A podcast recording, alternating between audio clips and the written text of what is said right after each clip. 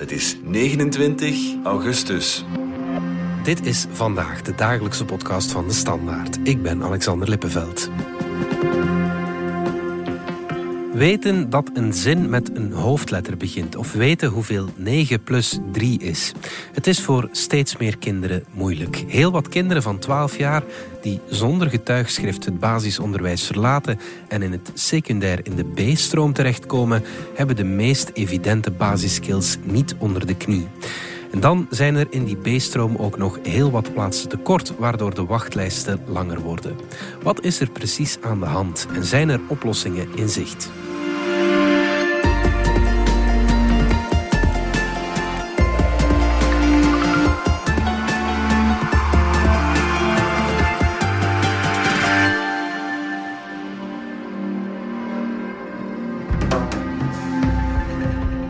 Klaas van onze binnenlandredactie. Je hebt uh, vorig weekend een groot artikel geschreven over het plaatstekort in de B-stroom van het uh, secundair onderwijs. Vertel om te beginnen eens wat die uh, B-stroom juist is. De B-stroom is er gekomen door ja, de hervorming van, de, van het secundair onderwijs. -hmm. ze zijn daar begonnen met de hervorming van de eerste graad. En daar hebben ze beslist om een soort van brede graad te maken. Maar dus ja, in die B-stroom uh, komen vooral jongeren terecht die eigenlijk uh, geen getuigschrift basisonderwijs hebben gehaald. Mm -hmm. En dus eigenlijk ja, met voldoende of met onvoldoende basiskennis aan de start van het middelbaar komen. Ja, en daar komen ze dan terecht omdat ze 12 jaar worden in die B-stroom, ja. niet in de A-stroom, wat vroeger dan ja, ASO en TSO was. Inderdaad, dus uh, de grootste groep gaat eigenlijk over op leeftijd, zoals het dan heet in het onderwijs. Uh, dus het feit dat je 12 jaar bent, geeft je het recht om te starten in het uh, secundair onderwijs. Mm. En ja, alle scholen die we de afgelopen dagen of weken gebeld hebben, die zeggen van ja, heel veel leerlingen komen uit het vijfde, soms het vierde, heel uitzonderlijk is het derde leerjaar over. Oké, okay, ja. Mm. En dat heeft natuurlijk enorme gevolgen voor de organisatie van die eerste graad. Ja, ja absoluut. Goed. Er is nu een groot plaatstekort. Er zijn erg lange wachtlijsten. Hoe groot is dat plaatstekort? Kan je dat schetsen? Bijvoorbeeld in Antwerpen ja, is dat ongeveer voor 600 leerlingen dat ze in het secundair nog geen plaats hadden. 600, oké. Okay. 500 daarvan, ja, die moeten eigenlijk nog in die B-stroom terechtkomen. Dus daar zie je dat dat, dat probleem ja. vooral, dat capaciteitstekort, vooral daar uh, zich manifesteert. En ook in alle andere Vlaamse centrumsteden, ja. ook zeker ja, regio Waasland, regio Gent, heb je datzelfde probleem. Ja, je zegt 500 eind mei. Is dat dan vandaag nog steeds uh, nee, dat zo aantal, groot? Dat aantal daalt altijd wel nog vrij fors uh, in aanloop naar 1 september. Om allerhande redenen. Er zijn, er zijn um, ouders die ja, hun kind maar in één school aanmelden. Ja. En dan op een wachtlijst terechtkomen. Maar dan met wat gepuzzel wel nog in een andere school uh, onderdak vinden. Er zijn ook mensen die verhuizen. Jongeren die ja, verdwijnen of alsnog voor een A-stroom kiezen. Mm -hmm. Dus ja, nee, er is er wel nog wat verschuiving. Maar die puzzel ja, die is voor het eerst of dat zeggen toch Antwerpse directeurs, voor het eerst zeer, zeer, zeer moeilijk. Uh, net voor de start van het nieuwe schooljaar. Ja, en hoe komt dat? Waarom is dat zo'n probleem in, net in die B-stroom? Wel, uh, daar komt heel veel samen hè, van problematiek. Onder andere ja, zit je daar met een, met, een, met een maatschappelijke verschuiving. In de B-stroom merken ze dat de doelgroep elk jaar iets zwaarder wordt. Mm-hmm. Er zijn meer leerlingen die opgroeien in een, in een moeilijke thuissituatie en die door pech in het leven mm. uh, niet tot leren zijn gekomen. Uh, moeilijke echtscheiding, vader of moeder die uit beeld zijn. Mm-hmm. Ook heel veel, of toch een de grotere groep die, die, die vlucht uit het buitenland en die, die hier komt vanuit Oekraïne, Syrië, die komen ook in ons onderwijs terecht. En ja, die hebben natuurlijk ook minder uh, achtergrond, ook vaak taalachterstand, mm-hmm. uh, omdat ze nog maar een korte periode in ons land zijn. Dus ja, heel veel van die dingen ja, moet de maar zien op te lossen. Daarnaast heb je natuurlijk ook de, de, de, maatschappelijke evolutie dat ons buitengewoon onderwijs maar blijft groeien mm-hmm. door de hervorming van het M-decreet. Dat was het decreet dat inclusie mogelijk moest maken. Ja. ja moesten meer leerlingen met ja, een beperking, zoals het dan heet. Dus leerlingen met gedragsstoornissen, Ja. met uh, autisme-spectrumstoornis, uh, ook in het gewoon onderwijs uh, een plaats hebben. En ook die leerlingen, zie je nu, zitten wel meer dan vroeger in die B-stroom. Ja, je kan daar toch op anticiperen, denk dat ik is dan. absoluut waar. Nu, de nuance wil natuurlijk, er zijn ook wel echt extra middelen uitgetrokken om capaciteiten bij te creëren. -hmm. Maar als je dan wat rondbelt naar scholen, dan merk je ook wel, ja, één, dat, dat scholen vaak weinig appetijt hebben om nieuwe klassen in te richten. Dat komt natuurlijk door die instroom die, die, die, ja, die voor heel veel leerkrachten niet evident is. Mm -hmm. uh, heel veel directeurs zeggen ook, eigenlijk heb je fantastisch goede leerkrachten nodig uh, in de eerste graad B-stroom. Mm -hmm. Het zijn natuurlijk ook kleinere klasjes, uh, omdat daar ja, best wel veel ja, zorgnood is en ook een probleem met aandacht en, en structuur en zo, proberen ze die te beperken tot, van 9 tot 12 leerlingen. Dus mm. je hebt ook al heel veel extra klassen nodig. Ja. Mm. En dan natuurlijk, wat dat heel veel scholen ook aangeven, ja, we kunnen perfect op papier dan van 4 naar 8 klassen gaan. Mm -hmm. Maar het probleem is dat die leerlingen elk jaar natuurlijk in uw school blijven en dat, dat je dus een capaciteitsprobleem creëert, in Ja. of toch meer een infrastructuurprobleem in uw school, want dat betekent niet dat je eenmalig 40 leerlingen extra hebt. Nee, dat betekent dat je er ja, op een paar jaar tijd uh, een paar honderd bij krijgt natuurlijk. Um. Is het voor scholen ook niet zo'n soort van kwestie van eer? Ik kan me inbeelden dat veel colleges of zo, dat die daar niet happig op zijn. Ja, uh, absoluut. ja. Het, het, was niemand die het zo expliciet uh, wilde zeggen, maar je hoorde wel, in, zeker in de grote steden, dat er meer en meer scholen zijn die de B-stroom afbouwen Mhm. of plots laten uitoven.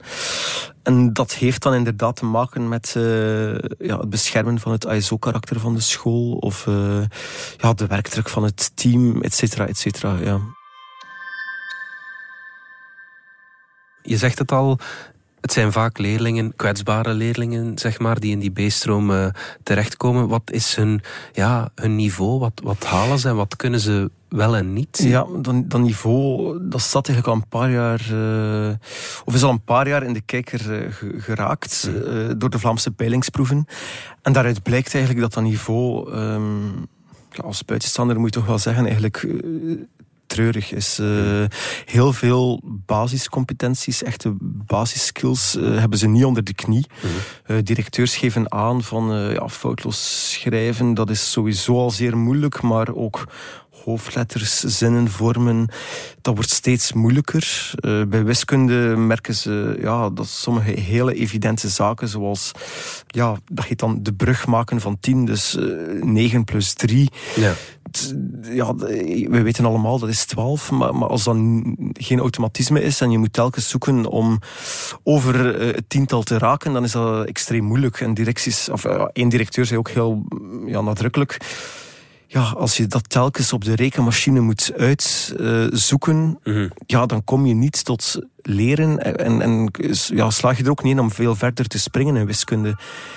Dus ja, daar blijf je tot een absoluut minimum beperkt vaak. Uh, in die eerste graad doen scholen er alles aan om eigenlijk ja, het basisniveau bij te spijkeren. Mhm. Mm -hmm. um, maar dus uit die peilingsproeven, die dus ja, Vlaanderen breed worden afgenomen, blijkt dat eigenlijk zelfs op het einde van die eerste graad een grote groep, en dat is eigenlijk ja, meer dan de helft van de jongeren, eigenlijk niet de skills heeft om te overleven in onze maatschappij. En dan, Ja, ja, dan gaat het ja, over een soort van basisgeletterdheid. Dus dat betekent dat je geen kassa-etiket kunt lezen of uh, ja, wegwijs raken op een website en zo. Ja, dat is dan zeer moeilijk. Ja. En als je die basiskills zeg maar niet hebt, waar, waar komen zij dan terecht? Ja, dat is een zeer goede vraag. Hè. Er zijn dus ook leerlingen die daar gewoon terechtkomen omdat ze dus pech hebben gehad in het basisonderwijs Ja. of bijvoorbeeld nog maar net in ons land zijn en een taalachterstand hebben, Ja. maar waarvan dat leerkrachten dan wel snel merken van ja, eigenlijk zi- zit hij hier om het dan ja, met een fout woord te zeggen, niet op zijn plaats. Mhm.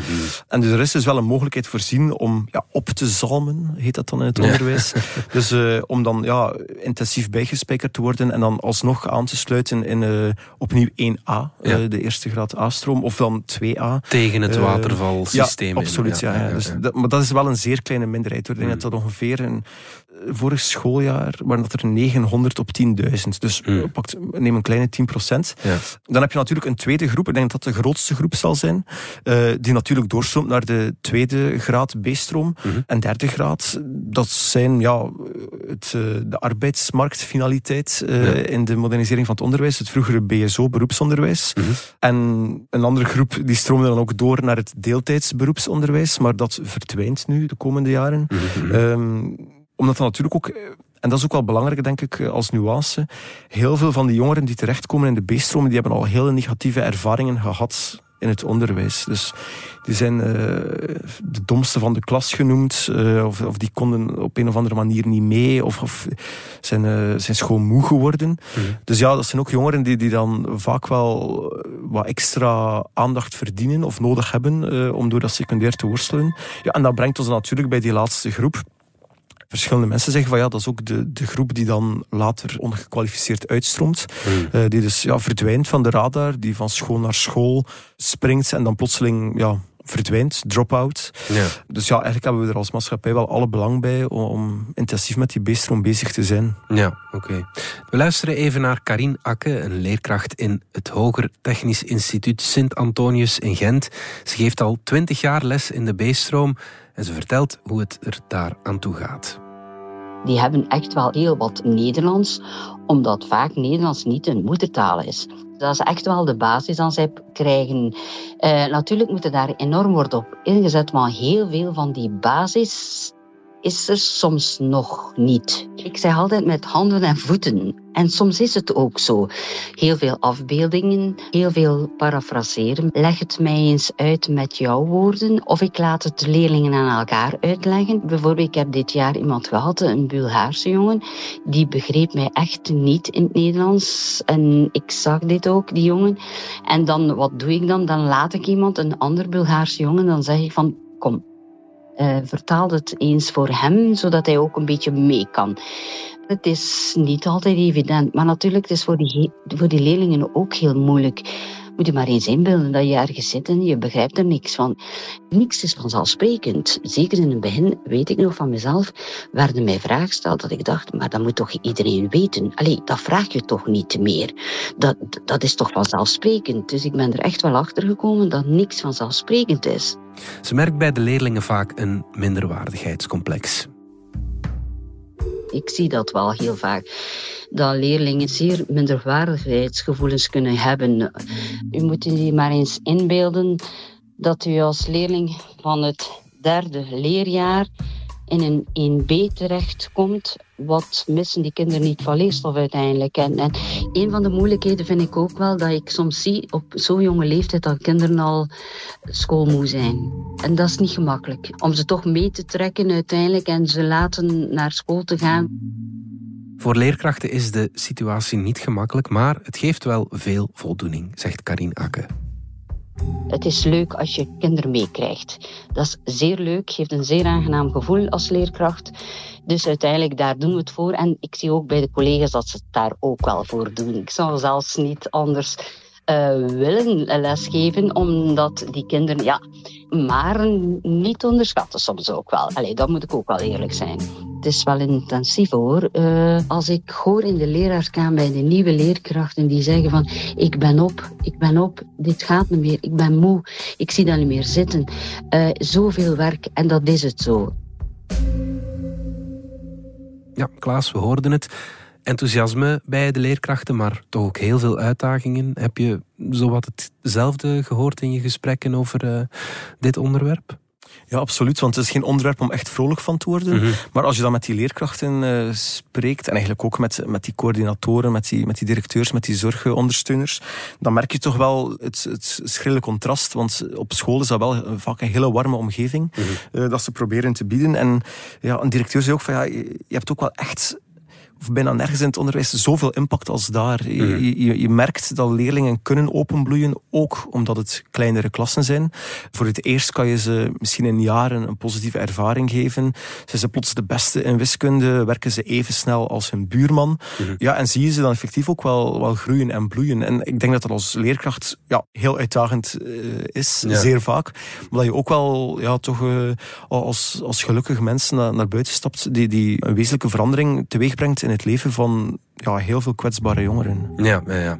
Is er in het basisonderwijs een, uh, een probleem? Want ja, zij komen vaak, je zegt het, uit het vierde, vijfde leerjaar. Ja. Ja. Moeten we het daar niet gaan aanpakken? Wel, ik denk absoluut van wel. Maar als je dan met scholen belt... Eh, en dat vind ik ook wel een mooie mentaliteit, hoor. Die zeggen van, ja, maar wij moeten gewoon ons werk doen. Wij moeten niet met de vinger wijzen naar anderen.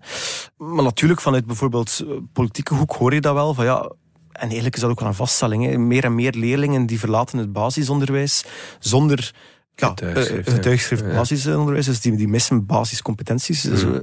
de focus moet meer uh, liggen op het basisonderwijs. Heel wat onderwijsexperts zeggen ook, de belangrijkste evolutie de komende tien jaar, dat zal de eindtermen basisonderwijs zijn die opnieuw uitgedacht moeten worden. Mm. En um, alle directeurs van die secundaire scholen die zeggen van ja, in het basisonderwijs doen ze vandaag hun stinkende best om al die leerlingen zo ver mogelijk te brengen. Alleen moeten we dan toch vaststellen van ja, het lukt dan op de een of andere manier toch vaker niet dan vroeger. Mm. En in Gent zei groen schepen Evita Willaert, ja, in vergelijking met tien jaar geleden verlaten nu ganse basisschool extra het basisonderwijs zonder dat getuigschrift. Dat gaat om 200... In de stad in Gent. de stad Gent, om 274 leerlingen. Ja, dat, is, dat is een ganse basisschool op tien jaar tijd die niet eens de absolute minimumdoelstellingen haalt. Wat zijn de oplossingen, Klaas? Het is een heel moeilijke vraag, denk ja, ik. Maar, uh... ik, ik, denk dat het onderwijs er zich al enkele jaren over buigt. Um, ja, Nochtans heb ik het gevoel, je hebt dat al een paar keer gezegd, maar dat het hier concreet niet vaak over, over gaat. Dat nee, nee, altijd dat gaat is over zo. excelleren ja, ja, en, en die dingen. Hè? Ja, en ja. heel veel, uh, of laatste jaren is het woord de herwaardering van het technisch en beroepsonderwijs steeds meer gevallen. Mm -hmm. Alleen uh, blijft dat in de praktijk vaak uh, ja, onzichtbaar Mhm. of toch ruim ontoereikend. Wat de scholen zelf uh, aangeven is, ja, onze doelgroep is zeer moeilijk geworden. Bijvoorbeeld in het buitengewoon onderwijs is er heel veel ondersteuning. Ja. Scholen in de B-stroom moeten het toch nog doen met de ondersteuner die een uurtje per week extra komt en de leerkracht moet het maar zelf zien op te lossen. Dus ja, ik denk dat het misschien onvermijdelijk ook wel een verhaal van extra middelen zal zijn ook extra omkadering. Mm -hmm. Als je natuurlijk ja, fundamenteeler wil nadenken, en dat is bijvoorbeeld wat dat vooruit uh, politica Hannelore Goeman voorstelde, ja, dan moeten we misschien toch wel proberen om die eerste graad te herdenken. Ja. Je zou kunnen beginnen met ja, af te vragen, is dat wel een verstandig idee dat we ons onderwijs opdelen in een A-stroom en een B-stroom en welk signaal geven we daarmee? Mm -hmm ja, scholen zelf die zeggen van ja, eigenlijk kan je wel een wezenlijk verschil maken door bijvoorbeeld gewoon goed les te geven. Ja. Dat is natuurlijk niet evident, want en dat hebben we in, nu nog niet aangekaart, maar de ganse problematiek van het lerarentekort fietst natuurlijk ook rond dit onderwerp. Ja. Extra klassen, oké, okay, maar wie staat voor de klas? Ja. Wie is gemotiveerd om uh, uh, ja, nog extra uren op te nemen? Ja, dat is allemaal zeer moeilijk. Hè. Ja. Maar dus je zou wel kunnen zeggen van ja, door ons extra te focussen op didactiek, uh, proberen we de leerkansen maximaal te maken. Mhm. Dus daar zit er ook wel nog wat winst. Ik denk dat dat heel veel kleine stukjes zijn. En natuurlijk is de vraag, ja, wie, wie heeft voldoende visie om het, de herwaardering van het beroepsonderwijs en technisch onderwijs echt waar te maken? Ja. Een andere bedenking zou kunnen zijn, ja, ook infrastructuur speelt daar uh, een grote rol. Hè. Als je, het is algemeen gekend ook dat technisch onderwijs vrij duur is. Je hebt ja. ook zeker in de hogere graden dure machines nodig. Mm -hmm. Die zijn er vaak niet altijd. Ja. Is het misschien geen idee om van het eerste leerjaar B om daar een soort van verlenging van het basisonderwijs van, van te maken. In plaats van dat je ja, je vakken opgesplitst hebt met allemaal verschillende leerkrachten. Waarom is dat geen piste die. Wel, ik denk wel dat dat het oorspronkelijke idee een beetje was hoor, om die, om Ja. die eerste graad B-stroom als verlengde van de basis te doen. Maar natuurlijk zit je inderdaad in die structuur van een secundaire school. Hè. Mhm. Dus eh, ik denk dat dat zeer moeilijk is. Ik denk wel dat er nog enorm veel winst te boeken valt ook, door ja, leerkrachtenteams beter te laten samenwerken met elkaar. En natuurlijk professionalisering, hè, want het is, het is een zeer moeilijke doelgroep, die dus ook verandert. Mhm. Ja, ik heb onder andere gebeld met eh, Inge Van de VUB en die zei van ja, de ambitie moet altijd zijn om, om de lat hoog te leggen, om, om ambitieus maar realistisch te zijn en ook vanuit die positieve mindset te vertrekken dat, dat er effectief ja, heel wat winst kan geboekt worden. Ja. En dan misschien nog een laatste puntje, waarom het ook wel ja, een zeer relevant thema is, die B-stroom, de laatste jaren beweegt er heel wat op het snijvlak tussen welzijn en onderwijs. Mhm. En natuurlijk zit dat bij twee verschillende Vlaamse ministers. Ja. Maar op heel wat onderwijsthema's komen die twee wel samen. Mhm. En ik denk dat er op dat snijvlak wel nog heel veel winst ook te boeken valt.